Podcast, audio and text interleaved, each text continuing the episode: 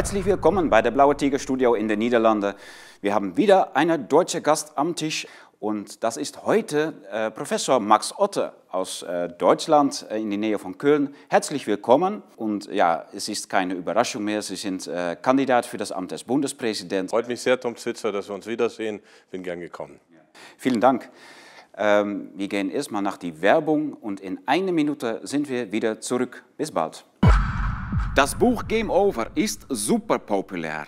Es beschreibt das große Verbrechen hinter Covid-19 und auch die Impfung. Der Autor Heiko Schöning war bei uns in der Studio einige Wochen her und das Interview war über 600.000 Mal angeschaut. Das Buch hat danach die zweite und die dritte und die vierte Druck bestellt. Die zweite Druck ist schon da und das Buch ist deswegen auch lieferbar und wird auch lieferbar bleiben. Die dritte Druck ist fast da und die vierte Druck wird Anfangs März auch da sein. Das heißt, Sie können einfach bestellen und lesen, was die großen Verbrechen hinter Covid-19 und die ganze Corona-Impfung ineinander steckt.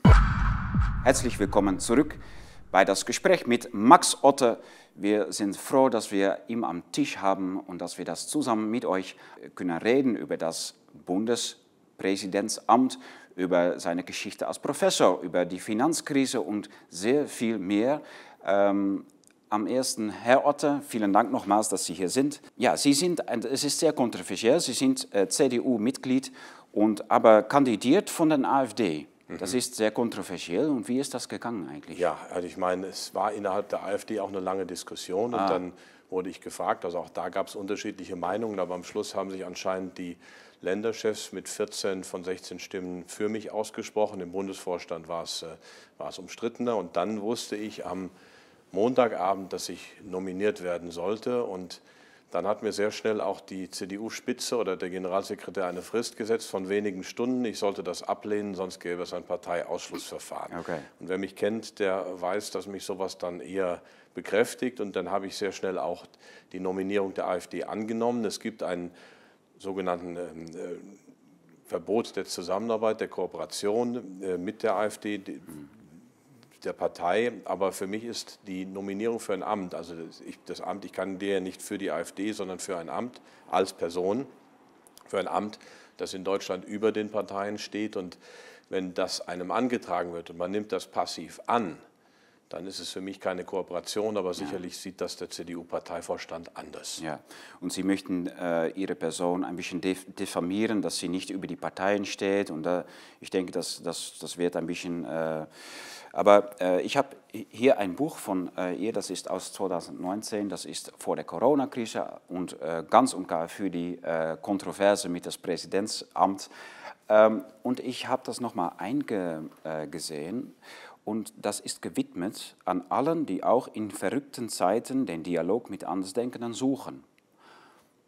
Also das ist von einigen Jahren her und ähm, ja, sie suchen schon sehr lange einen Dialog mit Andersdenkenden. Das stimmt. Sie, ja. haben, eine, Sie haben eine lange Geschichte da, ja. dabei. Dahin. Ja, weil diese Ausgrenzung, also man redet nicht mit der AfD oder man ja. redet nicht mit den Querdenkern oder die sind IGIT, das finde ich fatal. Aber das mhm. ist eine menschliche Ureigenschaft. Der Mensch ist ja auch eine biologische Spezies. Wir sind natürlich, wir haben andere Fähigkeiten als jetzt ein, ein Schimpanse, ein äh, Giraffe oder was auch immer, aber wir haben natürlich unsere biologische Programmierung. Und eine dieser Programmierungen ist das Freund-Feind-Gehen, also die Gruppenidentität. Und das sieht man schon bei Urvölkern, die sich selber dann Menschen nennen und die anderen sind keine Menschen. Oder bei den Griechen, das waren die Griechen, die anderen waren die Barbaren. Also ja. wir haben immer ähm, dieses Bedürfnis, uns abzugrenzen. Wir haben aber noch mehr auch das Bedürfnis, ähm, Gruppen völlig zu isolieren, also quasi als Sündenböcke darzustellen. Ja. Und wir haben verrückte Zeiten. In diesem Buch schreibe ich ja über völlig verrückte Zeiten. Die Welt ist in Bewegung. Das hat nichts nur mit der AfD zu tun oder mit Flamsbelang oder mit ähm, wem auch immer, Donald Trump. Das sind ja alles, sagen wir mal, Symptome, also Ergebnisse dessen, weil die Welt an sich in Bewegung ist. Ich zitiere ja da auch die die Elvin Galadriel, The World is Changing, die Welt bewegt sich aus, aus den Herrn der Ringe. Also wir haben ganz große Veränderungen auf der Welt, geopolitisch, wir sehen es gerade wieder in der Ukraine, aber auch die Technologiekonzerne, auch äh, die Manipulation von Meinungen. Und dann ist es bequem für die Herrschenden, so ein Freund-Feind-Denken zu installieren. Und was auch in uns Menschen drin ist, ist ein Gefühl des Ekels. Also der Ekel ist ein sehr potentes Gefühl. Man spricht immer von Hass. Ja. Aber Hass, wenn ich sie hasse, dann respektiere ich sie irgendwie als, als Mensch.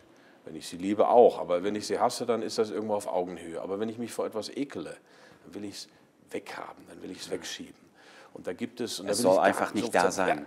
Ja, vertreten, ja. weg damit. Vernichten. vernichten, nicht ja. gar nicht damit befassen. Und mhm. das war auch zum Beispiel, sagte, es gibt eine fantastische Vorlesung oder einen Clip von Jordan Peterson im Internet, wo er auch darüber spricht, dass zum Beispiel dieser Ekel, der war an, äh, ist sehr menschlich. Also da, ähm, und das merke ich wieder in der Gesellschaft, auch jetzt vor dem Virus, ungeimpfte. Also das sind ganz, ganz tiefe ähm, Gefühle, mit denen man gut steuern kann, mit denen man quasi, wenn man sie anzapft, in die innere Schaltzentrale des Gehirns hineinkommt. Also Jordan Peterson sagt, Hitler hat sich sehr geekelt vor Keimen.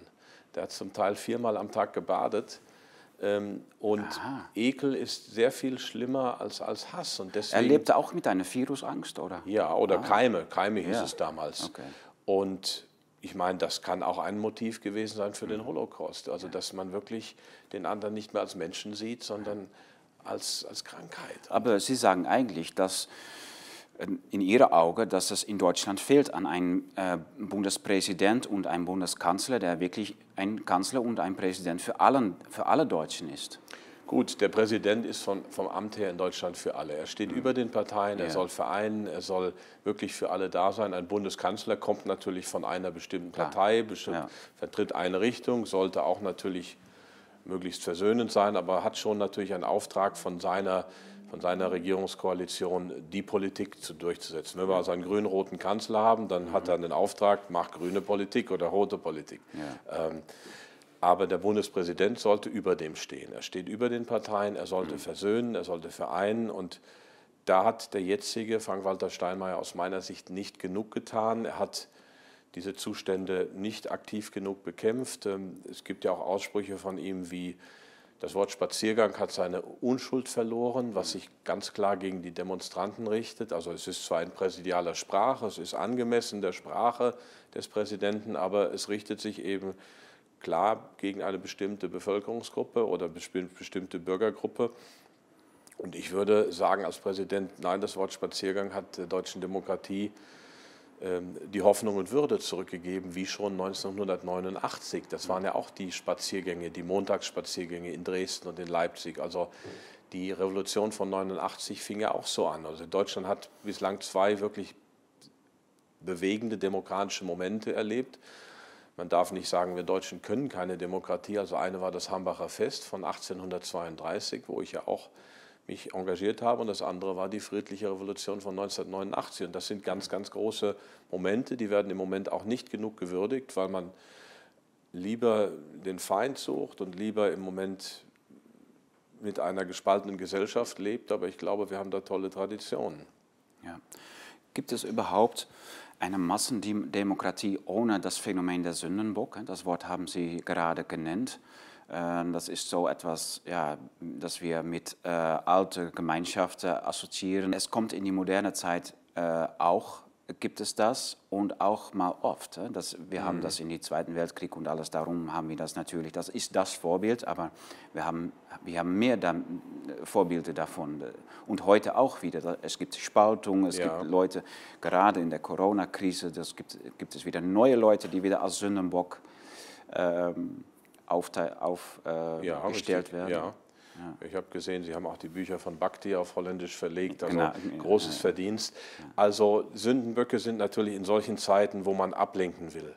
Also die Zeiten sind außergewöhnlich. Mhm. Ob jetzt äh, Corona oder nicht, es gibt viele andere Gründe, diese geopolitische Verschiebung, die Spannungen, ja. die Technologie, die Umwälzung die Überschuldung der Welt, ich komme ja von der Ökonomie, die Finanzkrise, das ja. hat sich ja alles weitergeschleppt. Also wir haben ganz, ganz große Verwerfungen, tektonische Verwerfungen, Verschiebungen auf der Welt, Megatrends, die zu großen Spannungen führen und die entladen sich im Moment. Und ja.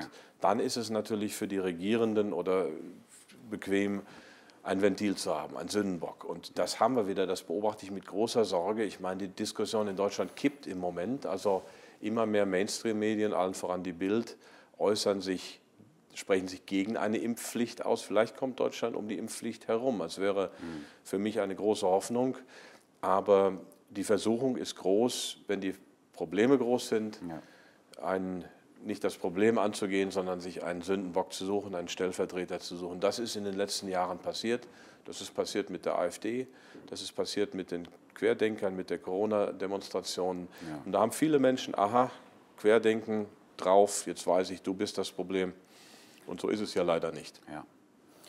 Ich habe äh, von meinen Kollegen in Deutschland, der äh, Verlag, der der Junge Freiheit verlegt, das ist eine Wochenzeitung, super, super schön gemacht. Er hat mir erzählt, dass schon in den vergangenen 25 Jahren, dass er schon drei äh, Anschläge auf der Druckerei äh, gegeben hat. Äh, mit, und das, ja, das, eigentlich kann man sagen, dass es seit dass die Ost- und Westdeutschland zusammen sind, wieder, dass, dass es eigentlich gleich ein Sündenbock äh, gesucht werden. Äh, und, und, das waren die Rechten oder vielleicht noch mehr. Das, es gab vielleicht verschiedene Sündenböcke, aber äh, ja, deswegen meine Frage, kann, kann es in einer Massendemokratie überhaupt so sein, dass es keine Sündenbocke braucht? Ach doch, wenn es stabile, ruhige Zeiten sind, nehmen wir mal die 60er oder 70er Jahre. Gut, in den 60er Jahren hatten wir die 68er, die Studentenrevolution. Das war natürlich für die konservativen Bürgerlichen, waren das die Gegner, die Feinde, aber nicht die Sündenböcke, sondern es waren Feinde. Ja. Und ähm, dann gab es ja auch Demonstrationen in den 70ern, gab es natürlich auch Feinde, das war die RAF und die Terroristen. Also ich bin in den 70ern aufgewachsen überwiegend. Und, aber Sündenböcke, dass man eine Bevölkerungsgruppe tatsächlich so isoliert und den Rest draufhaut und dass auch die Medien draufhauen, das ist, glaube ich, im Moment äh, besonders stark. Und das ist immer dann natürlich, die Versuchung in einer Demokratie ist dann besonders stark, wenn wirklich große Probleme da sind, wenn große Umbrüche sind, mhm. wenn die Leute nicht wissen, wo es hingeht, wenn Verwirrung herrscht. Dann ist es gut, wenn, wenn allgemeine Verwirrung ist, ach, da ist der Schuldige. Ja. Dann ist es besonders wichtig. Ja. Interessant. Das, es, bleibt, ähm, es bleibt interessant, so ein Thema, aber ich habe äh, hab ihr noch nicht richtig vorgestellt eigentlich. Also äh, ja, der Bundespräsidentskandidat, das ist bekannt. Äh, Sie sind äh, sehr aktiv gewesen in der CDU und dann die Werteunion äh, äh, aber auch bei der AfD etwas gemacht in, ein, äh, in, in die Stiftung, äh, die äh, Erasmus Stiftung. Erasmus Stiftung, genau. Sie sind Bestseller-Autor und da, deswegen habe ich das Buch, das eine der letzten Bücher, glaube ich, mhm. ich weiß nicht. Das letzte große, danach ja. habe ich noch zwei geschrieben. Ja. Das ist ein großes Buch, aber Sie haben in 2006 auch ein Buch äh, geschrieben, The Crash is Coming. Und äh, in das Buch war eigentlich der Crash äh, von 2008 ähm, ja, äh, das, das war schon gesagt, vorgesagt. Ja. Sie sind ein Investierungsexperte und natürlich Professor, ähm, ich glaube, in Worms. Ich war, ich, hab, ähm, ich war Professor an der Boston University, an der Karl-Franzens-Universität ah. Graz, an der Hochschule Worms und an ja. der Universität Erfurt. Erfurt, und in Worms, Worms Graz und Boston. Boston Aber ja. in, in Worms hatte ich eine Beamtenstelle, C3, auf Lebenszeit. Ich war Staatsbeamter und habe das vor drei Jahren gesagt, ich möchte nicht mehr auf Lebenszeit Beamter sein. Ich okay. scheide freiwillig aus dem Staatsdienst aus und ja. bin jetzt Unternehmer und Publizist. Ja, ja. ja daher kennen wir äh, ihr auch davon. Ähm, ja, wir haben eigentlich äh, ein bisschen über die, die Kontroverse äh, geredet. Das ist und bleibt auch interessant, aber Sie sind, äh, dafür war sie sehr berühmt als, berühmt als äh, eigentlich ein, eine Art von finanzielles Orakel. Darf ich das so sagen? Kann man so sagen, ja. ja. Okay, ja. Ähm, aber ähm, ich möchte gerne mal etwas vorausschauen nach das ähm, Amt von Bundespräsident, ja. weil das ist sehr wichtig. Das ist ein äh, großes Amt, einer der groß, ja, größten Ämter in, Bund, in Deutschland, aber ich denke auch in Europa. Ähm, wenn wir, ich habe nur mal eine der größten Probleme, wovon ich sage, das würde große Probleme sein für Deutschland und Europa. Ähm, das ist Geopolitik, Frieden auf das eurasiatischen Kontinent, ähm, die Spannung zwischen atlantischen äh, Gedanken oder äh, die Friede auf das Kontinent. Eine Krise in der Finanzwirtschaft, äh, zum Beispiel die, digital, die, digitale Währung, der heute wirklich ähm, ja, durchgepusht wird. Äh, wir haben ein Sozialkreditsystem, was ein bisschen aufgetaucht äh, wird, nach das Vorbild von China. Äh, wir haben viele internationale Dachverbände, wo viele, ja, das, da, da, spielt so viel und das ist ein, sehr untransparent, die EU natürlich, aber auch die NATO. Ähm, wir haben ein Thema so wie die nationale Autonomie, was sich sehr auf Spannung verhält mit den internationalen Dachverbänden. In, hier auch, in den Niederlanden ist es auch ein großes Problem. Und ich werde sagen, ähm, ich habe das so ein, einige Vorbilder genannt. Ja, was, was ist die Agenda für das Bundesamt von äh, Bundespräsident? Die, was ich vorhabe oder was der Präsident, ja, was, was, seine, was ja, seine was Kompetenzen damit. Ja. Also ich fange vielleicht mal mit den Kompetenzen an. Der Bundespräsident vertritt die Bundesrepublik Deutschland nach außen. Er ist das Staatsoberhaupt, das ist mhm. das höchste Staatsamt. Er darf keiner Partei angehören, er darf auch keine, keiner gewerblichen Arbeit nachgehen. Also wirklich, es soll eine neutrale, ein neutrales Amt sein und er vertritt die Bundesrepublik Deutschland völkerrechtlich, was schon mal sehr wichtig ist. Das ist eine wichtige Kompetenz. Okay. Und ähm, er fertigt die Gesetze aus. Das heißt so im Gesetz, im Grundgesetz, ich glaube Artikel 84. Das heißt, der Bundespräsident prüft, ob diese Gesetze in Übereinstimmung mit der Verfassung sind, mit dem Grundgesetz mhm. und dann unterschreibt er oder nicht. Und es ist in der ganzen Geschichte der Bundesrepublik Deutschland nur neunmal vorgekommen, dass ein Bundespräsident nicht unterschrieben hat, davon zweimal Horst Köhler. Horst Köhler war ein, auch ein über, ein, war CDU, aber er war ein Experte, Jurist, aber nachher im Finanzministerium, also auch Finanzexperte. Und er hat zweimal Gesetze nicht unterschrieben und dann musste er auch bald zurücktreten. Also das äh, ist bis heute nicht ganz geklärt, um was es da ging und was da war.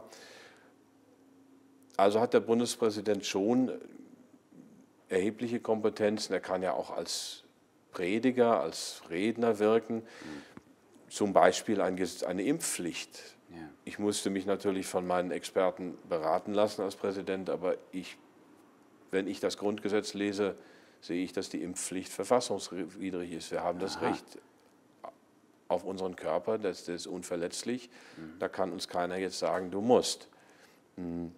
Und das wird ja umgangen im Moment, aber der Bundespräsident könnte hier tatsächlich nicht unterschreiben. Was dann passiert, ist offen, ob er dann auch zurücktreten ja. muss oder ob er ob ihm ein Unglück passiert, wer weiß das, aber theoretisch kann ja. der Bundespräsident das machen. Ja, also ein Präsident hat keine Agenda, aber ähm, äh, kontrolliert eigentlich, ob alles gut gegangen ist, ist äh, steht über die Parteien und das äh, ist ähm, also all, all diese unsere Zeit ist voll von Problemen. Ja, es, es ist eine, eine schreckliche Zeit und es, äh, aber äh, eigentlich hat ein Bundespräsident gar nichts damit zu tun.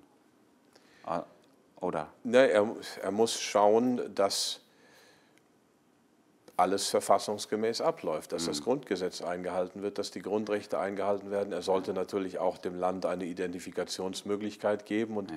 da ist für mich ganz wichtig, dass man alle Bürger mitnimmt und dass man mit allen redet, zumindest. Und das vermisse ich ein bisschen beim jetzigen Bundespräsidenten. Also ich glaube, da wäre wirklich eine Alternative besser. Ja, ja. sehr interessant. Ähm wir, haben eine, eine, wir, ja, wir sind in einer sehr interessanten Zeit, ja. in der wir leben. Sie haben da viele Analysen schon äh, da, darüber gemacht in den letzten äh, Jahrzehnten. Ich habe gelesen über die neue Weltordnung, äh, das, wie, wie, das passiert und die, die, die Ordnung und die Chaos. Äh, Jordan Peterson schreibt auch darüber. Wie schauen Sie das an, das, das, das, Welt, das Problem mit der neuen Weltordnung mhm. Ähm, und die, zum Beispiel die Corona-Krise? Mhm. Wir haben zwei Megatrends, die sich überlagern oder vielleicht sogar drei. Das eine ist, und das ist das Problem überhaupt, das haben viele schon gesagt, das ist Chinas Aufstieg und Amerikas Abstieg. Das ist ein langer Zyklus in der Weltgeschichte. Holland war auch mal die führende Nation. Und dann gab es die holländisch-englischen Kriege. Äh, davor gab es eben die spanisch-holländischen Kriege. Also es, es, ist sozusagen, mein Professor an der Princeton University, Robert Gilpin, hat äh, eine Theorie der hegemonialen Stabilität entwickelt, ja. dass also das Weltsystem eine, quasi eine Macht braucht, die ja. die Regeln macht. Und das ist die Zentralmacht. Und natürlich geht es der dann gut, wenn sie die Regeln macht. Die anderen halten sich dran. Dadurch haben wir Stabilität. Äh, der Hegemon profitiert am meisten, die anderen profitieren auch. Und irgendwann kommt eine neue Macht und dann gibt es Rivalität. Thukydides hat schon darüber geschrieben im Peloponnesischen Krieg. Ja. Einfach, dass der Aufstieg Athens für die Spartaner das Problem war und, oder umgekehrt. Und dass daraus dann irgendwann Krieg erwachsen ist. Und jetzt haben wir eben diesen Aufstieg Chinas und die USA sind geschwächt und das wirkt sich aus im südchinesischen Meer, in der Ukraine, ähm, in, im Nahen Osten, überall. Also die Deutschen sind, wie das ein früherer Bundespräsident sagte, von der Machtbesessenheit zur Machtvergessenheit, Richard von Weizsäcker. Die Deutschen haben irgendwie verlernt, in geopolitischen Kategorien zu denken, aber wie ein Denker, den wir beide schätzen, Oswald Spengler, gesagt hat, ist, ähm, der Verzicht auf Weltpolitik schützt nicht vor ihren Konsequenzen. Ja. Und wir erleben im Moment die Konsequenzen dieser Spannungen zwischen USA und China. Und es gibt da keinen Bösen und keinen Guten. Die, vielleicht einer, der ist ein bisschen mehr böse, der andere ist ein bisschen mehr, weniger, aber Großmächte handeln wie Großmächte, Supermächte handeln wie Supermächte. Die haben Geheimdienste, die führen Kriege. Ähm, die USA führt viele Kriege, China weniger, die machen es anders. Mittelmächte handeln wie Mittelmächte und kleine Mächte handeln wie kleine Mächte. Das ist so diese Systemtheorie. Und jetzt haben wir dieses Aufeinanderprallen. Und dieser Konflikt, der geht bis in die Gesellschaften rein. Das ist ein, einer der großen Konflikte. Der zweite Konflikt ist der des extrem schwachen Staats, dass die großen Lobbys, auch dadurch, dass die großen Vermögen immer reicher geworden sind, große Stiftungen, dass also die Schattenmächte, wie das Fritz Glunk nannte, die Lobbys, die großen Kapitalvermögen so viel Einfluss haben auf ja. die Politik, dass die Politik mehr oder weniger zu einem Anhängsel wird. Gibt es überhaupt einen Staat, der dagegen etwas tun kann? Weil äh, muss man eigentlich nicht sagen, weil, ja, dass äh, die Geld- und, äh, und Finanz, äh, gleich wie äh, BlackRock und Vanguard, sind eigentlich zu, so groß geworden, dass sie größer sein als jeder Staat in der Welt.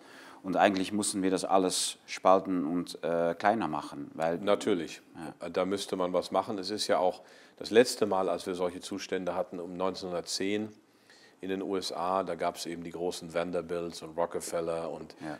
Carnegie und die großen Milliardärsvermögen. Da wurden ja dann auch äh, Gesetze gemacht, also den, den ähm, Sherman Act mit führt zur Aufspaltung von Standard Oil, von Rockefeller, also dass die großen Machtkonzentrationen zerschlagen wurden. Soweit sind wir noch nicht im Westen. Okay. In China ist etwas anders. Ja. Da gibt es Oligarchen ja. und dann gibt es die Partei. Und da gibt es so ein, die Partei steht wahrscheinlich über den Oligarchen, aber es gibt eine gewisse Balance. Und mhm. Im Westen sehe ich es im Moment so, dass die Lobbys doch sehr mächtig sind und sehr stark auf die Politik einwirken. Ja, unsere Staaten sind schwacher als die äh, Milliardäre. Das würde ich so sagen. Ja. In Russland gibt es die Oligarchen, es gibt Putin. Mhm. So, das ist dann ja. auch, da ist Putin auch. Ja. Aber man kann eben nicht das so laufen lassen. Auch darüber schreibe ich ja im Buch, dass die Mittelschicht im Westen seit Jahrzehnten im Abstieg äh, begriffen ist, also ich als Vermögensbesitzer profitiere von den niedrigen Zinsen, weil die Aktienpreise, die Immobilienpreise, alles geht hoch und das, davon profitiere ja. ich. Das ist wie ein Fahrstuhl. Wer Geld hat, der bekommt mehr ja. und wer arbeiten muss für Geld, der bekommt weniger. Und mhm. das passiert seit Jahrzehnten, in den USA seit den 70er Jahren, ja. in Deutschland seit mindestens 20 Jahren, vielleicht auch 25 Jahren. Und das führt natürlich dazu, dass die Mittelschicht schrumpft, dass es immer mehr Menschen schlecht geht. Dann werden die, wählen die populistische Parteien auch nicht zu Unrecht, weil sie sagen, die jetzigen Parteien haben das ja verursacht. Mhm. Und das ist dann auch ein Problem. Ja. Würdest du sagen, dass es etwas wie einen Krieg gibt gegen die Mittelschicht und die, äh, die Klein- und Mittelunternehmen und äh, ja, eigentlich gegen normale Menschen, gegen die Familie? Äh, gegen Besitz überhaupt von, die, von der kleinen Mann. Hm, jetzt sind wir, also wir haben eine Art Krieg tatsächlich gegen kleine und mittlere Unternehmen, weil wir sagen, jeder ist für alles verantwortlich. Und da gibt es sehr strenge und detaillierte Gesetze wie im Kommunismus. Also was wir gemacht haben ist, wir ersetzen die Eigenverantwortung und die ökonomische Haftung. Wenn Sie als Verleger einen Fehler machen, dann müssen Sie nachher bezahlen. Aber es war Ihre Entscheidung. Und heutzutage im Konzernkapitalismus ist alles geregelt durch Verordnung, durch Compliance und so weiter. Wenn Sie einen Fehler machen, dann müssen Sie nicht bezahlen, aber dann ist es Straftat. Also es gibt keine ökonomische Haftung mehr, sondern die Fehler werden kriminalisiert. Ja, ja. Das ist der, die Art Krieg und so kann ich eben auch kleine Unternehmen sehr schwer belasten. Und dann mhm. Freuen sich natürlich die Konzerne, die haben ihre eigenen Rechtsabteilungen und so weiter. Aber es geht ja weiter. Sie haben das schon erwähnt, dass also jetzt auch eine Art Krieg gegen die Familie geführt wird, ein Krieg gegen was auch immer. Das ist, sind wir auf einem ganz anderen Gebiet. Das ist die sicherlich der Gender-Ideologie mit zu verdanken. Mhm. Also ich glaube, als Europäer sind wir tolerant. Das ist ureuropäisches Gedankengut, äh, dass wir Toleranz üben, aber wir haben schon so unsere Vorstellung, wie wir eigentlich leben wollen. Ja, aber mit einer stärker eigenen Identität kann man auch tolerant sein. Ja. Aber ohne dass man etwas hat, ja, was soll, wie, soll, wie soll man das dann noch äh, tolerant sein? Nein, dann sucht man Sündenböcke. Dann, ja. Wenn man selber keine, nicht weiß, wo man steht, dann versucht man eher zu projizieren auf, auf Sündenböcke, ja. auf den Gegner. Aber die Gender-Ideologie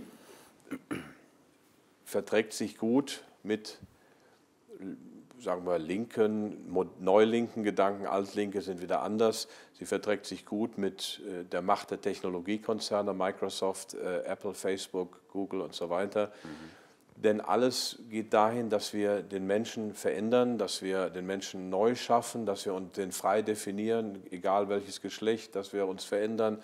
Das ist ja auch der Traum in Silicon Valley, Transhumanismus. Wir verbessern den Menschen. Ja. Und auch da hat ähm, Jordan Peterson drei humanistische Religionen benannt in, in Sapiens oder in eine kurze Geschichte der Menschheit. Ein ganz fantastisches Buch, ist jetzt zwölf Jahre alt.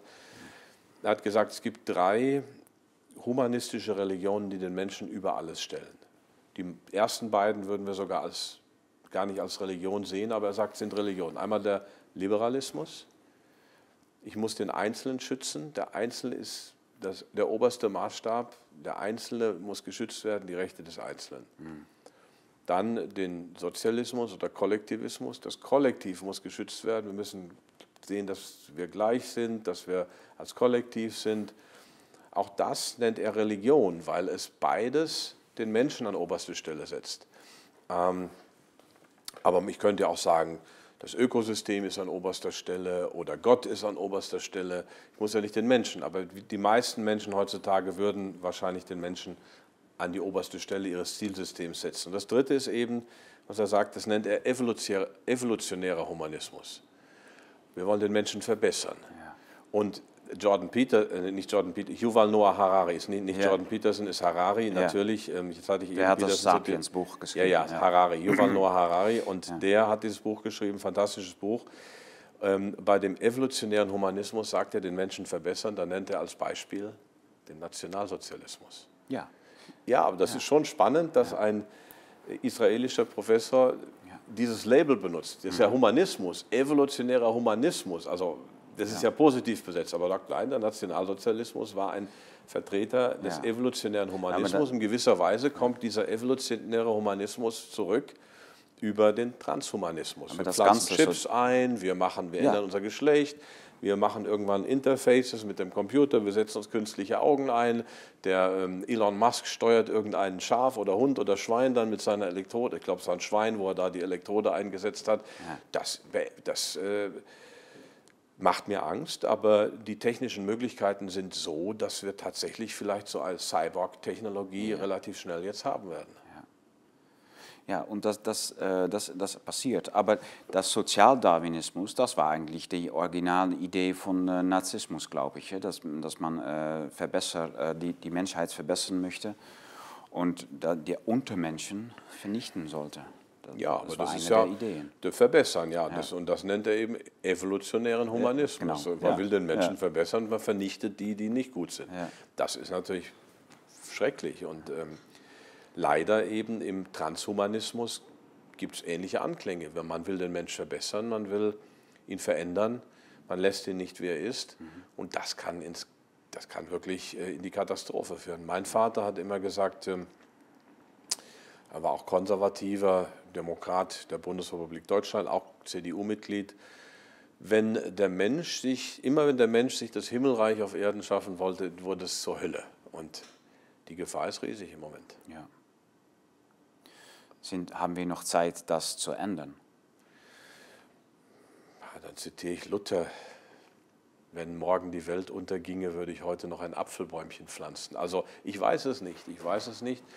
Aber was ist die Alternative? Die Hände in den Schoß legen, nichts tun. Ich habe für meine Kandidatur für das Amt des Bundespräsidenten viel, viel Zuspruch bekommen, aber auch viel, viel äh, Entsetzen, Ausgrenzung, auch enge Bekannte, von, die, die, von denen ich dachte, sie wüssten mittlerweile wirklich, wie ich bin, okay. haben sich noch abgewandt. Einige, dafür haben andere mich äh, sehr stark unterstützt. Also es ist einfach keine Option, nichts zu tun. Mhm. Was ich noch sagen möchte, der Darwin war ein Engländer und äh, viel von das äh, Darwinismus und sozialdarwinistische Gedanken, die kommen aus äh, England und Amerika. Das ist äh, viel mehr anglosächsisch äh, äh, ja. ja. Gedanken dann, dann kontinental eigentlich. Also Oswald Spengler hat in, ja, in, glaube in Jahre der Entscheidung oder Neubau des Deutschen Reiches in den 20er Jahren geschrieben, dass die Engländer ein viel höheres Rassebewusstsein oder viel mehr Rassismus, würde man heute sagen, haben als die Deutschen. Und in der Tat, der Sozialdarwinismus, Fabian Society und äh, das war was Englisches, George Bernard Shaw, der ein fürchterlicher Rassist war. Also diese Dinge sind importiert worden. Also natürlich gab es das auch in Deutschland, aber ich würde sagen, die intellektuelle Keimzelle, der Hotspot, das war, war England und das hat sich auch nach Amerika verbreitet. Weil Amerika hat ja den Genozid mit einer Bevölkerungsgruppe mehr oder weniger umfassend durchgeführt, mit den Indianern über langes ja. Absterben lassen. Und also wenn ich an den Cherokee Trail denke, wie man die Cherokee ausgesiedelt hat und so, da gibt es ganz fürchterliche Geschichten. Also das ist auch noch nicht aufgearbeitet, finde ich. Und dieser Sozialdarwinismus, der Transhumanismus ist da ein Spiel, eine Variante oder ist verwandt oder ähnlich. Das sind ganz fürchterliche Dinge. Der Vater von Bill Gates war auch ein ähm, Eugeniker, ja. hat Planned Parenthood gegründet, ja. auch tief vernetzt. Also das sind alles interessante Dinge, wo man mal drüber nachdenken könnte. Aber viele Ideen, auch mit der, von der heutigen vierten industriellen Revolution, also das Transhumanismus, was, ähm, äh, äh, ja, was wir viel hören in diesen Tagen, das kommt wieder aus Amerika. Das, dann, es gibt das World Economic Forum, es, äh, das ist in Europa, aber das kann man sehen wie ein, ein, ein das ist ein bisschen der Marketing. Strategie von, der, von was der, die vierte industrielle Revolution ist. Und das kommt dann wieder aus Amerika, aus der Investierungs-, äh, Hedgefonds äh, wie Vanguard und BlackRock, Silicon Valley, ja, die, die Chip, wie heißt der, von Elon Musk. Elon Musk, ja. ja. Das sind eigentlich, das sind nicht unsere Ideen, das sind nicht die Ideen, äh, wie die europäischen Völker und die Russen äh, gerne leben. Nein, das ist natürlich ist es die Idee von Eliten, von kleinen Gruppen, aber die USA haben natürlich schon immer diesen Kult des Machbaren gehabt. Also, mhm. if you can do it, do it. Dann einfach machen und wenn da ein tolles Projekt ist, ach, machen wir erst mal. Also da haben sie natürlich eine andere Kultur, aber in Europa haben wir natürlich das auch gehabt mit dem Nationalsozialismus. Also auch wir sind anfällig dafür gewesen, vielleicht auch wieder. Aber es ist natürlich nicht, nicht die europäisch-humanistische oder auch die christliche Idee, die den Menschen demütig sein lässt vor Gott oder auch vor den Traditionen, wo man sagt, alles muss sein, sein, sollte sein Maß haben, seine Mitte haben, eingebettet sein in soziale Bezüge. Hier geht es einfach, wir machen das jetzt. Und der Great Reset, den Klaus Schwab ja beschreibt, heißt im Prinzip, dass ich den Schalter der Welt umlege von real auf digital. Und wenn wir ja. nur noch digital sind, dann läuft ein Großteil unserer Kommunikation über digital. Dann profitieren natürlich Google, Microsoft, Amazon, Apple und so weiter unendlich. Die wachsen auch jetzt in der Krise. Die haben 20, 30 Prozent Umsatz- und Gewinnwachstum und das als Riesenkonzerne, während viele andere runtergehen. Das ist ein brutales Umlegen des Schalters. Ja. Und, äh, dies, und wenn wir dann eben überwiegend digital kommunizieren, sagen wir Zoom oder so, können wir jederzeit abgeschaltet werden, wir können abgehört werden. Also es kann immer alles kontrolliert werden und wir gehen sehr schnell in ein, Überwachungsstaat rein. Ja, und das ist sehr gefährlich. Das Geld wird äh, eingewechselt für äh, digitale Währung. Das ist auch ein großes Problem, denke ich. Wie, wie gucken Sie da, äh, danach, nach digitale Währung? Was ist das für etwas? Der Bitcoin, aber auch, äh, wie sagt man Die das? Notenbanken. Nationale Banken, die Ja, auch ja. digitale Währung einführen äh, wollen. Also die Notenbanken wollen jetzt nach, nachlaufen. Die Idee ist ja nicht schlecht, dieser Blockchain-Technologie, aber sie ist natürlich, irgendwann kann man wahrscheinlich diese Bitcoin-Codes auch knacken. Dann weiß ich von jedem, von jeder Transaktion, wo die war. Was, also dann kann ich lückenlos die Transaktionen eines Menschen überwachen. Und die Notenbanken ärgert es natürlich, dass Bitcoin da ist. Die wollen jetzt eigene, Noten, eigene digitale Währung machen. Dann sind wir erst recht überwachbar. Dann kann der Staat im Prinzip einsehen, wenn er will, alles, was wir kaufen und verkaufen. Das ist natürlich ein Riesenproblem, aber der Zug läuft. Und ich bin gespannt, ähm, wie das weitergeht. In China ist es mittlerweile so, dass der Staat sagt, wir verbieten mehr oder weniger Bitcoin. Das wird natürlich unter der Hand hier und da immer noch gehandelt, aber China geht rabiat gegen freie Kryptowährungen vor und sagt, wir machen unsere eigene staatliche Kryptowährung, dann haben wir es besser unter Ja, ja, Kontrolle. ja. Okay. Ja, das ist ein großes Gefahr. Aber die Kryptowährung, ist das nicht eine, ein, ein eine Pyramidespiel? Nein, so nicht. Denn es ist tatsächlich so, dass natürlich von jeder Kryptowährung nur eine bestimmte Anzahl da ist. Es wird immer aufwendiger, neue Kryptoeinheiten zu machen. Die Rechenleistung muss hoch. Also wir haben eine natürliche Begrenzung des Angebots. Was aber im Moment passiert, ist, dass mehrere hundert, wenn nicht tausend Kryptowährungen auf dem Markt sind. Jeder will sie an Scheibe abschneiden. Das ist wie vor 20 Jahren, vor 22, 24 Jahren mit dem Internet, mit der New Economy, mit dem neuen Markt. Dann gab es hunderte von Unternehmen und da bleiben nur ganz wenige übrig. Also es ist keine Pyramide insgesamt, aber es ist im Moment zu viel, sind zu viele Währungen im Spiel. Da werden ganz, Ja. ganz viele, da werden 95 Prozent verschwinden oder 90 Okay. Prozent. Aha. Und dann bleiben nur ganz wenige übrig. Ja, aber die, der Bitcoin, der bleibt, denke ich. Wenn nicht die Notenbanken irgendwann sagen, wir machen das nicht, es ist verboten bei Strafe, Oh. ihr dürft das nicht mehr tun. Das kann passieren. Ja. Aber oh, das ist noch immer nicht entscheidet. Noch nicht, aber die Anreize der Notenbanken sind natürlich sehr stark, weil sie sagen, wir wollen unsere eigene Krypto. Viele finanzielle Experten äh, sagen, in dieser Zeit kannst du am besten äh, alles ein bisschen, äh, von alles ein bisschen machen. Also Gold und Silber und Cash und die, die Kryptos. Würdest du das auch sagen? Also ich habe keine Kryptos, ganz wichtig Aktien.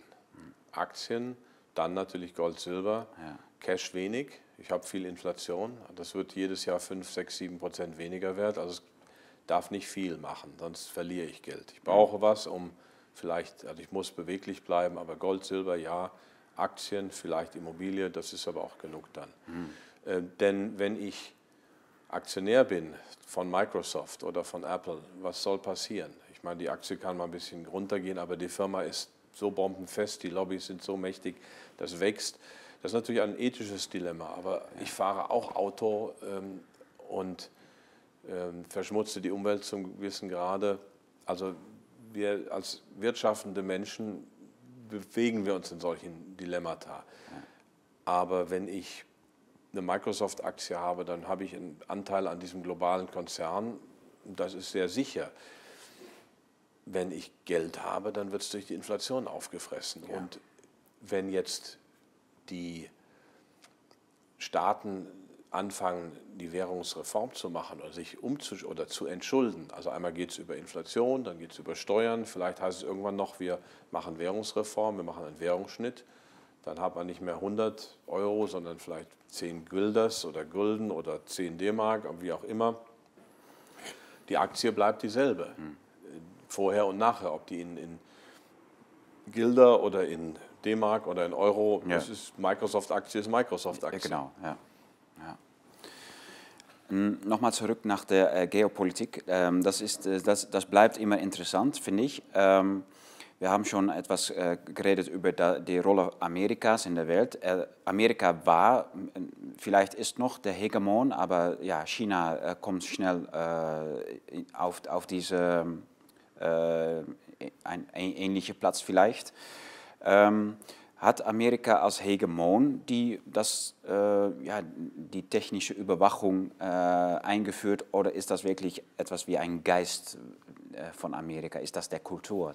Ist nicht nur der Geist von Amerika, sondern es ist natürlich aber schon dort stark angetrieben, aber China macht es ja auch. Ja. Also es ist natürlich der Reiz des Machbaren. Also mhm. wir haben über die Informationstechnologie, über die Datenverarbeitung, über künstliche Intelligenz haben wir natürlich unglaubliche Möglichkeiten und der Geist von Amerika ist das dann zu push the envelope. Ja, ja. Sehen, wie weit man damit kommt. Also das dann schon. Ja. Und heute haben wir das Konflikt in Ukraine. Das ist natürlich ähm, ähm, ja, eigentlich komplex, weil wir sehen da Amerika und Russland und die, die haben das eine Land, beide äh, Russland möchte das gerne äh, ein neutrales Land haben, Ukraine als neutrales Land, Amerika möchte das gerne bei der NAVO haben, denke ich, äh, und pumpt das richtig voll mit Waffen und ähm, ja, Kriegsrhetorik. Ähm, der Präsident Zelensky hat, glaube ich, schon gesagt letzte Woche, dass, dass die Kriegsstimmung eigentlich nur aus dem Westen kommt. Hat er gesagt, toll. Ja, ja. ja. Ähm, das ist interessant eigentlich, weil Ukraine war immer ein bisschen die, der Puppet von äh, Washington. Mhm. Und das, siehst du da eine, eine Drehung von Stimmung, dass, dass die eigentlich ein bisschen gegen Amerika also es ist brandgefährlich, es ist, macht mir Angst, weil es immer wieder so kommt. Und man muss ja sagen, dass wir Russland, damals noch Sowjetunion, bei der deutschen Wiedervereinigung gesagt haben, die NATO geht nicht über das deutsche Bundesgebiet hinaus. Also noch nicht einmal DDR, ja. ehemalige DDR. Und Polen heute und die baltischen Staaten sind in der NATO. Und dann gab es ja schon eine Erweiterungsrunde 2008, 2000. Ich habe übrigens ein Kapitel meiner Doktorarbeit über die NATO-Erweiterung okay. geschrieben, aber die war dann schon in den 90ern. Mhm. Äh, über die neue deutsche Außenpolitik in den 90er Jahren. Meine Doktorarbeit ist 96 eingereicht und dann als Buch 2000 erschienen und auch noch auf den Zeitraum von 88 bis 98 deutsche Außenpolitik. Also die erste Versuch, die Ukraine in die NATO aufzunehmen, war schon so um 2008 rum. Okay. Das ist aber abgelehnt worden, zum Glück. Und da ist ja vieles noch nicht untersucht. Es ist klar, dass die Medien permanent Kriegsrhetorik verbreiten. Es gab jetzt sogar einen Ordnungsruf gegen einen Abgeordneten der AfD im Deutschen Bundestag, also im Reichstag, der von Kriegstreiberei gesprochen hat. Und dann hat die Präsidentin des Bundestages gesagt, nicht die, der Bundesrepublik, sondern des Bundestages, ähm, Ordnungsruf, ich erinnere Sie an die parlamentarische Wortwahl. Also das Wort Kriegstreiberei wird nicht gerne gehört im Parlament. Das okay. war, war, eine Ungeheuerlichkeit, finde ich. Das muss äh, dem Abgeordneten überlassen bleiben, ob er dieses Wort verwendet oder nicht. Ja. Aber wenn ich die Medien sehe, wie sie trommeln gegen Russland, wenn ich mir überlege, dass Russland auch seine Sicherheitsinteressen hat, dass, wie gesagt, wir gesagt haben als Westen, wir, die NATO geht nicht über Deutschland hinaus, Russland ist die einzige Siegermacht, die Deutschland komplett verlassen hat. Amerika ist noch da, England ist noch da, Frankreich ist noch da, wenn auch symbolisch. Russland ist das Land, was die Hauptlast des Zweiten Weltkrieges getragen hat. 13 bis 20 Millionen Tote, das muss man. Also Russland ist, hat fürchterlich gelitten unter diesem Zweiten Weltkrieg und die, aber Hitler hat eigentlich da auch den Krieg verloren in Russland. Ja, ich sage, ja. Russland hat, ja. Russland war entscheidend. Also ja. das, und sie haben die Hauptlast getragen. Und dass wir da jetzt wieder äh, Kriegsstimmung haben, ist, ist schlimm. Und dass der Wladimir Putin die legitimen Sicherheitsinteressen seines Landes schützt, dass er sagt, ich möchte keine Raketen mit atomaren Waffen an der ukrainischen Grenze. In acht Minuten sind die in Moskau. Das kann ich sehr gut verstehen. Und ja. dass er sagt, dieses Land muss neutral bleiben, mhm. das kann ich sehr, sehr gut verstehen. Ja, er hat ein, ein, ähm, ein neues Abwehrsystem in, ähm, in Belarus, Weißrussland, mhm. ähm, ist, glaube ich, gestern angekommen dort. Äh, ja, das, das wird im Westen wieder wie eine Kriegstat äh, aufgefasst, also in die westlichen Medien. Äh, was ist die Interesse von der westlichen Medien, äh, so die Kriegsstimmung aufzuführen? Naja, da muss man sich überlegen, wem gehören die westlichen Medien, wem folgen sie, wie sind da die Verflechtungen. Also es ist natürlich, es gibt eine Kriegsindustrie. Donald Trump hat das gesagt bei einer Pressekonferenz mit dem italienischen Staatspräsidenten. Die findet man auch noch im Internet. Also wenn man guckt, Pantarella, Trump Press Conference, da hat er gesagt, es gibt einen militärischen industriellen Komplex, die wollen, dass ich Krieg führe, ich tue es mhm. aber nicht. Mhm. Und die wollen, ähm, er sagt, das, Amerik das, amerikanische Militär ist eine Kampfmaschine, keine Polizeitruppe und die wollen natürlich ständig, dass ich Krieg führe, weil sie ihre Waffen verkaufen wollen und ich mache es nicht. Und das ist schon ungeheuerlich, dass ein Präsident das so offen sagt. Offener als. Eisenhower in seiner Abschiedsrede, ja, da hat er auch ja. drüber gesprochen. Ja, der berühmte Abschiedsrede von Eisenhower. Ich, kenn, ich denke, unsere äh, Zuschauer kennen das vielleicht auch, aber ähm, Trump ist eigentlich der zweite Präsident, der so offen darüber äh, redete. Ähm, bevor Trump hatten wir die amerikanische Präsident Obama, hat auch Kriegsstimmung geführt mhm. gegen Russland. Das war ähm, in die Jahren gab es äh, die Ukraine-Krise. Mhm. In die Zeit passierte etwas Ähnliches wie heute, äh, äh, denn Obama und die Medien. Heute ist es Biden und die Medien. Mhm. Warum ist das etwas Demokratisches, also von der Demokratischen Partei und die westlichen Medien? Die Ideologie stimmt. Also die Demokratische Partei steht ja für Gender, für Transhumanismus, auch für Klima. Also das ja. sind ja alles die neuen Themen, die alten linken Themen Frieden ja. und auch äh, Abstieg der Mittelschicht, Armut, dass die neue Linke interessiert sich gar nicht so dafür. Die wohnt in, den, in, in der Innenstadt, fährt große Autos, ihr geht's gut. Das ist eine ganz andere Geschichte. Die interessieren sich für Klima, für Gender, mhm. für Transhumanismus, wie auch immer. Und deswegen gibt es eine sehr, sehr enge Verbindung zwischen Medien und demokratischer Politik, aber auch die sogenannten konservativen Parteien werden damit hineingezogen. Also die CDU in Deutschland, meine Partei, folgt dem immer einen Schritt hinterher, aber sie folgt dem. Sie lässt sich davon sehr beeinflussen. Ich glaube, in Holland ist es nicht ja. so viel anders. Und Gleich wie bei euch, ja. Mhm, ja. ja. Wie sehen Sie das? Ähm, kann Deutschland, kann Europa noch wieder einen Rückschritt machen nach äh, die alten Werte von der Familie, die Gemeinschaft? Eine Rückbesinnung, Rückschritt, Rückbesinnung ja. wäre das ja. Ne? Ah ja, okay. Rückbesinnung, Rückschritt wäre ja äh, sozusagen, okay. äh, Digga, ja. ja. Ähm, das weiß ich nicht, aber die Zukunft ist offen. Das sieht im Moment ziemlich, ziemlich äh, schlimm aus. Mein Freund David Engels sagt ja, das wird nur noch, wir müssen uns mit dieser diesem Flickenteppich begnügen, dass es Parallelgesellschaften gibt, dass es auch islamische Gesellschaften gibt in Europa, mhm. ist seine These. Also wir müssen schauen, dass wir unsere Werte, unsere Lebensweise, unsere Kultur zumindest in Oasen oder in bestimmten Bereichen erhalten. Das ist seine These.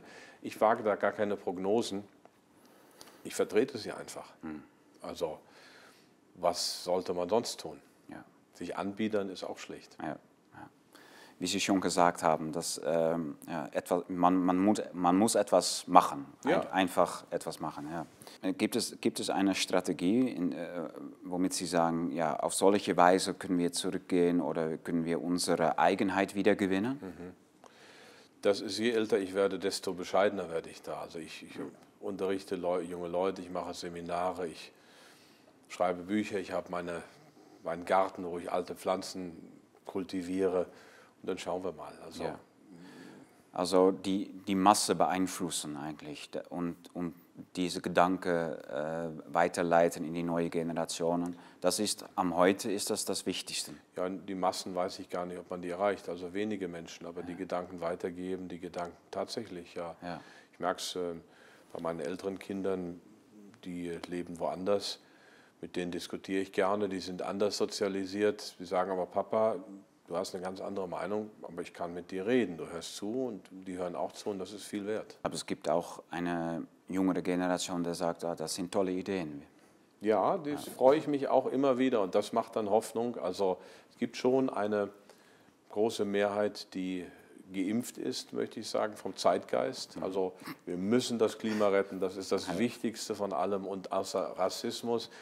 Ähm, also die tatsächlich diese Themen jeden Tag dann bekommen. Aber es gibt auch wirklich, und da freue ich mich immer wieder, tolle junge Menschen, die sagen, Moment mal, hier stimmt ja. doch was nicht. die sind geimpft gegen die Zeitgeist-Virus. Weil dieser Virus eben so ja. ähm, stark ist, merkt es dann doch der eine oder andere, dass da irgendwas nicht läuft. Und das sind dann die Hoffnungsmomente. Ja. ja. Die Bewegung von, ähm, ja, der sich eigentlich gegen die Corona-Maßnahmen, ähm, wie sagt man das, äh, der dagegen streitet, mhm. ähm, der ist in den Niederlanden ziemlich groß, aber das Momentum ist noch nicht da, dass es äh, wirklich groß genug ist. Mhm. In Kanada sieht man, dass die, ähm, die Truckers, die gehen nach Ottawa und protestieren, das ist wirklich Momentum, würde ich sagen. Das ja, ist das wirklich ist groß. Zu den Trucker ganz kurz. Ja. Das ist ja spannend, dass hier ja. sozusagen die Arbeiterschicht, die Arbeiterklasse demonstriert und die Linken sind dagegen. Ja, ne? ja, ja, ja, das ist ähm, ironisch. Wie ist das in Deutschland, die Bewegung gegen alle Maßnahmen, gegen die, äh, die, die äh, Pharmaceutical äh, Companies, mhm. ähm, gegen ja, eine, eigentlich die Aufbau einer totalitären Staat? Ich glaube, die Bewegung ist recht stark. Also mein Bruder, ich habe ähm, vor anderthalb Jahren auf, da war es noch nicht so diffamiert, auf tatsächlich auch auf Querdenken Veranstaltungen gesprochen auf mhm. dreien. Ich habe da Bürger gesehen, Heilpraktiker, Ärzte, äh, Arbeiter, Beamte. Das ging quer durch. Da waren keine Rechtsradikalen. Da waren Bürger, die eben sich wirklich dagegen wehren wollten. Dann wurde ja diese Bewegung sehr schnell diffamiert, wurde eben zum Sündenbock, wurde auch richtig in den Medien schlecht gemacht. Und dann war es erstmal vorbei. Auch den Initiator, den Michael Ballweg, hat man ja übel diffamiert und übel auch ökonomisch bedroht. Auch dass Robert Kennedy Jr. in Berlin war letzten August mit zigtausend, hunderttausenden Menschen. Mein ja. Bruder war da bei ja. beiden Berlin-Demos. Ja, ich war auch dabei. Auch ja. toll, ja. Und die äh, Medien haben ja irgendwie gesagt 20.000, 30.000 Leute, was lächerlich ist. Wahrscheinlich war es über eine Million, man weiß es nicht. Aber es waren unglaubliche Menschenmengen. Das sind schon Bilder, die sind zwar vom System, von den großen Medien relativ schnell unterdrückt worden, aber sie haben schon gewirkt, weil so viel dabei waren, dass man das nicht ganz wegschieben kann. Und dann wurden ja immer weiter die Maßnahmen verschärft, obwohl die Bettenauslastung niedrig ist und obwohl die Sterblichkeitsraten niedrig ist. Man hat diese Zahl der Inzidenz, ich will da gar nicht zu tief reingehen, aber Deutschland immer weiter verschärft. Dann im letzten Herbst wurde schon angefangen, über eine Impfpflicht zu diskutieren. Und dann kam ganz überraschend für mich tatsächlich zum Jahreswechsel diese Spaziergänge, die Montagsspaziergänge, wo die Leute, die jetzt die dritte Impfung haben oder die zweite, auf einmal sehen, was, jetzt habe ich doch alles, jetzt soll ich schon wieder geimpft werden. Also ja. da sind dann auch Menschen aufgewacht, die gesagt haben am Anfang, ich mache das jetzt einmal und dann habe ich es hinter mir und gut. Also für mich sieht das sehr hoffnungsvoll aus. Ja, das ist eine eine wachsende Masse, der gegen Impfen äh, aufsteht, äh, weil sie schon geimpft sind und nicht nochmals geimpft äh, werden wollen. Äh, ja, danke. Ähm, in Österreich gibt es schon eine Impfpflicht. Mhm. wissen Sie, wie, wie seriös das äh, werden kann? Auch wie ernsthaft? ernsthaft, ja ich wage da keine Prognosen. Wir sind wirklich in einer Weltsituation, wo eben vieles unklar ist. Und das muss man sich auch genau, wenn ich an der Börse agiere, wenn ich eine Aktie kaufe. Also es gibt Situationen, da ist einfach so viel Nebel da, da sieht man nichts. Ich weiß, ich hoffe, die Hoffnung, dass sie nicht kommt in Deutschland, ist ja, echt. Sie ist real. Es gibt immer mehr Kritik an Drosten. Es gibt Kritik immer mehr auch Mainstream-Medien, auch die Bild-Zeitung. Mhm und Bild TV sprechen sich jetzt dagegen aus oder haben vermehrt Experten, die dagegen waren. Vor zwei, drei Monaten, wenn man sich dagegen geäußert hätte, wäre man schon fast Querdenker gewesen. Mittlerweile kommt das im Mainstream ja, an. Ja. Also sehr hoffnungsvoll. Sehr hoffnungsvoll, stimmt nicht wirklich hoffnungsvoll. Ja. Und wenn das vom Tisch ist, dann ist das fertig oder muss dann noch etwas passieren? Weil wir haben dann eigentlich zu tun mit einer Elite, der ähm, der hat sich eigentlich äh, ja, kaufen lassen, kann man sagen. Welche Elite? Die politische, ja, die oder? politische Elite.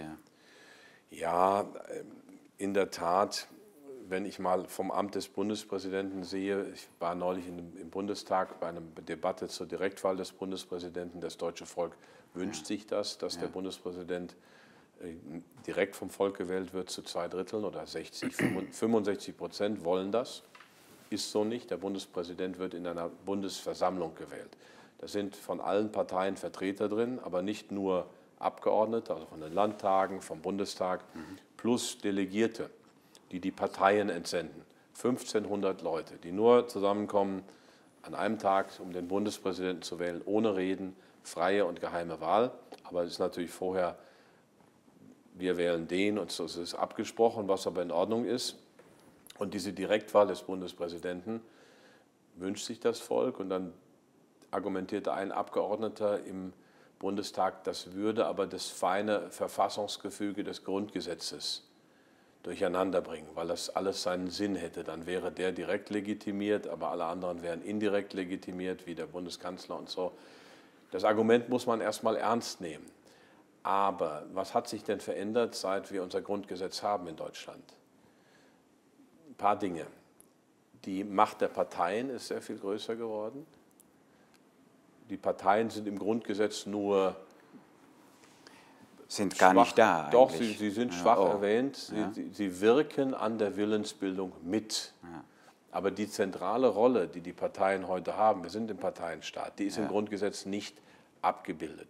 Das hat auch Richard von Weizsäcker. Aber das Problem gibt es hier auch, denn im Grundgesetz gibt es überhaupt keine Parteien, ah, in, in, die niederländisches Grundgesetz. Mhm. Und die äh, gibt, gibt es nur Abgeordnete eigentlich. Es, gibt, es ist viel, die Abgeordneten sind sehr, sehr viel wichtiger im, ins Gesetz als der Parteien. Das, ja, aber das ja, ist in Deutschland auch so. Also auch so. Jeder Abgeordnete ist nur seinem Gewissen verpflichtet. Genau. Ja. Aber das stimmt natürlich nicht. Die Parteien haben unglaubliche Machtmittel. Sie haben, ich kenne zwei, einen in der FDP, einen in der CDU, für die ich öfter Wahlkampf gemacht habe, die sich in der Eurokrise kritisch geäußert haben, die sind mittlerweile von ihren Parteien beide auf Linie gebracht. Dann verliert man einen Ausschuss, dann verliert man zusätzliche Einkünfte, dann wird man in der Partei auch ausgegrenzt und irgendwann ist man dann doch ähm, auf Linie. Also die Macht der Parteien ist das eine, dann die Macht der Lobbyinteressen, die sehr viel stärker geworden ist, ist ähm, eine weitere Entwicklung und eben auch die Macht der EU. Und ich glaube schon, dass in dieser Gesamtverschiebung es Sinn machen würde, das Amt des Bundespräsidenten direkt zu legitimieren, damit die Stimme des Volkes wieder stärker wird. Das kann man diskutieren, aber es ist eben nicht so, dass jetzt durch die Direktwahl des Bundespräsidenten eine Grundgesetzordnung von 49, die so noch besteht, durcheinandergebracht wird. Die ist schon durcheinander, eben durch die Macht der Parteien, durch die EU und durch die Macht der Lobbyinteressen. Ja. Wir, äh, bei uns ist der Macht der Lobby auch äh, sehr groß und können täglich bei den Abgeordneten einlaufen. Im Gegenteil zum äh, der gewohne Bürger, der äh, alles äh, via offizielle Anfrage und soll, äh, mhm. ja, die können gar nicht bei der Abgeordneten kommen. Die sind, haben eine Mauer. Und, aber die Lobby, die kommt, die läuft rein und ähm, ähm, äh, setzt ihre Gesetze durch. Mhm. Auch in Brüssel habe ich das gehört, dass die äh, Lobby sehr mächtig ist. Ja, in Brüssel ist noch mächtiger, weil man ja. da ja noch weiter weg ist vom Bürger, also ja. Brüssel. Und die meisten Gesetze werden ja mittlerweile in Brüssel vorbereitet und dann eben von der Kommission. Die Kommission ist eben auch nicht durch das Volk legitimiert, sondern sie ist quasi ähm, durch den Ministerrat oder durch den äh, europäischen, also den Europäischen Rat, also die Zusammenkunft der Staatschefs oder Regierungschefs. Ja. Also es geht alles auf der Top-Ebene. Das ist eine französische Idee. Also die, die EU, so wie sie jetzt ist, ist ein französischer Maßanzug. Okay. Die ist nach französischer, zentralistischer Tradition. Ich meine, das funktioniert ja auch in Frankreich. Die deutsche Idee, auch die holländische, wäre wahrscheinlich anders. Ist, okay. ist das französische Modell weiter weg von der Bürger als bei uns? Ja, es, ist, äh, es hat was mit Elitebeamten zu tun, Eliteschulen, auch mit äh, Planifikation, Planung. Das ist anders, ja. Und das französische Parlament war schon immer relativ machtlos. Also mit Aha. de Gaulle in der Fünften Republik hat in gewisser Weise hat de Gaulle einen autoritäreren Staat ja. wieder eingeführt, der aber Frankreich geholfen hat in der Zeit, weil vorher Frankreich doch sehr zerrissen war. Und heute ist die autoritäre EU eigentlich eine, ja, ein Hilfsmittel von der Oligarchen. Ja, die sind sehr einflussreich. Frankreich setzt natürlich auch, hat einen sehr starken Einfluss, setzt viele seiner Interessen durch Deutschland gibt noch nicht mal zu, dass es eigene Interessen hat, dann kann man sie auch nicht durchsetzen. Also Deutschland will am möglichst verschwinden in der EU. Das war die deutsche Idee, wir verschwinden in der Europäischen Union, die ist ja auch legitim. Wenn ich wirklich eine Europäische Union hätte, wo ich ein echtes Parlament hätte, was die Regierung wählt, wo jeder Mann, jede Frau eine Stimme hat und nicht wie heute, dass Zypern und Malta die ein, zwölfmal so viel oder sogar noch mehr Stimmen pro Einwohner hat, oder ich glaube 30 Mal sogar wie in Deutschland. Also das ist ja völlig aus dem Ruder gelaufen. Dann hat das Parlament auch nicht die vollen Rechte. Also wenn man wirklich in Europa machen würde, was voll demokratisch wäre, dann wäre das ein Modell. Aber so dieses Mischmodell jetzt, das ist, das ist nicht sehr, sehr hilfreich. Ich hatte noch eine ganz andere Frage. Äh, auf, Im Moment, dass Sie diese, ja, Sie haben viele Bücher geschrieben, aber dieses Buch, das ist äh, veröffentlicht gerade für die Corona-Krise, ja, glaube ich. drei, vier Monate. Ja. Haben, haben Sie denn in diesem Zeitalter, haben Sie gedacht, dass es so etwas Großes vor der Tür steht? Ja. Ich habe, wenn Sie auf Seite 410, 411, 412 schauen, da habe ich tatsächlich geschrieben, wir werden in totalitäre Verhältnisse, in autoritäre Verhältnisse kommen, der Überwachungsstaat wird kommen, die Bürgerrechte werden beschränkt. Mhm. All das steht da drin. Ja. Das Einzige, was nicht drin steht, ist, es wird ein die Virus. Die Name des Coronas. Die, die ja. Name des, überhaupt, dass ein Virus der Auslöser ist. Ja. Das ärgert mich, weil man das hätte sehen können. Es gab ja immer mal wieder SARS 2003. Äh, Schweinegrippe, da war Drosten ja schon unterwegs, 2008, 2009 und Wodak auch als Warner und dann Ebola 16, 17. Wodak hat denn gewarnt gegen ja, die Schweinegrippe? Ja, sehr deutlich. Der hat im Prinzip damals die ähm, Vorstöße der Lobby gestoppt. Er ist Arzt und Parlamentarier gewesen. Drosten hat schon gesagt, Masken Aha. und alles. Und ja. das ist schon jetzt ewig her. Also man hätte, ist aber nicht mein Gebiet, die Virologie und Aha. die Medizin. Also aber wenn was Ihres Moment, dass, du da, dass ihr dachtet, äh, war, da, hier passiert etwas, das ist eigentlich das das Virus ist das Instrument.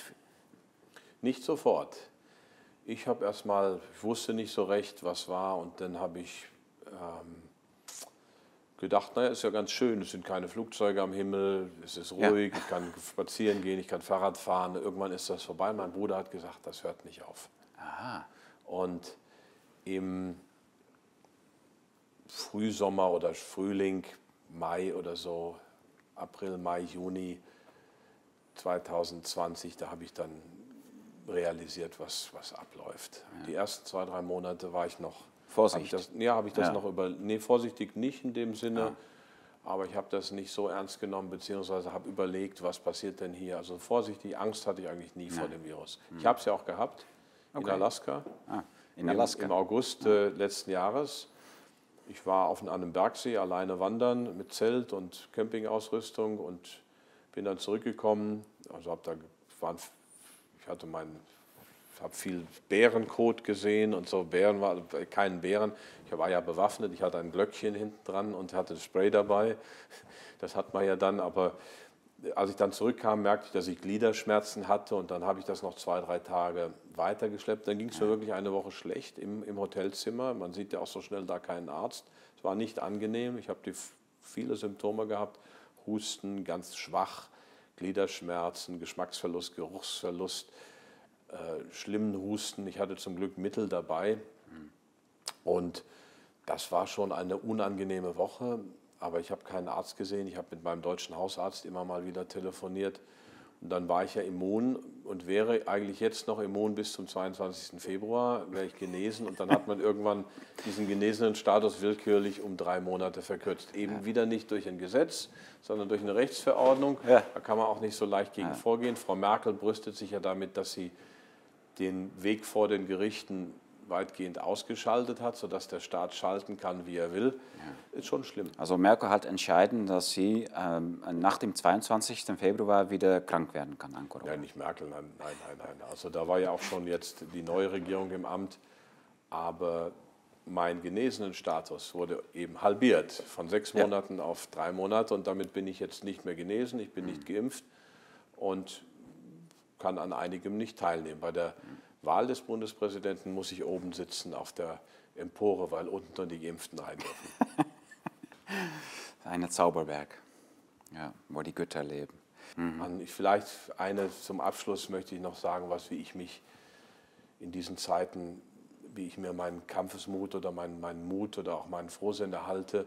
Denn es ist nicht immer einfach. Man muss sich das auch vor Augen führen, dass es sind zum Teil keine schönen Zeiten, wenn man gegen die Mehrheit ist, wenn man seine eigene Meinung hat, wenn man nicht dem Mainstream angehört. Das kann ökonomisch fatale Konsequenzen haben. Freunde gehen, man wird ausgegrenzt.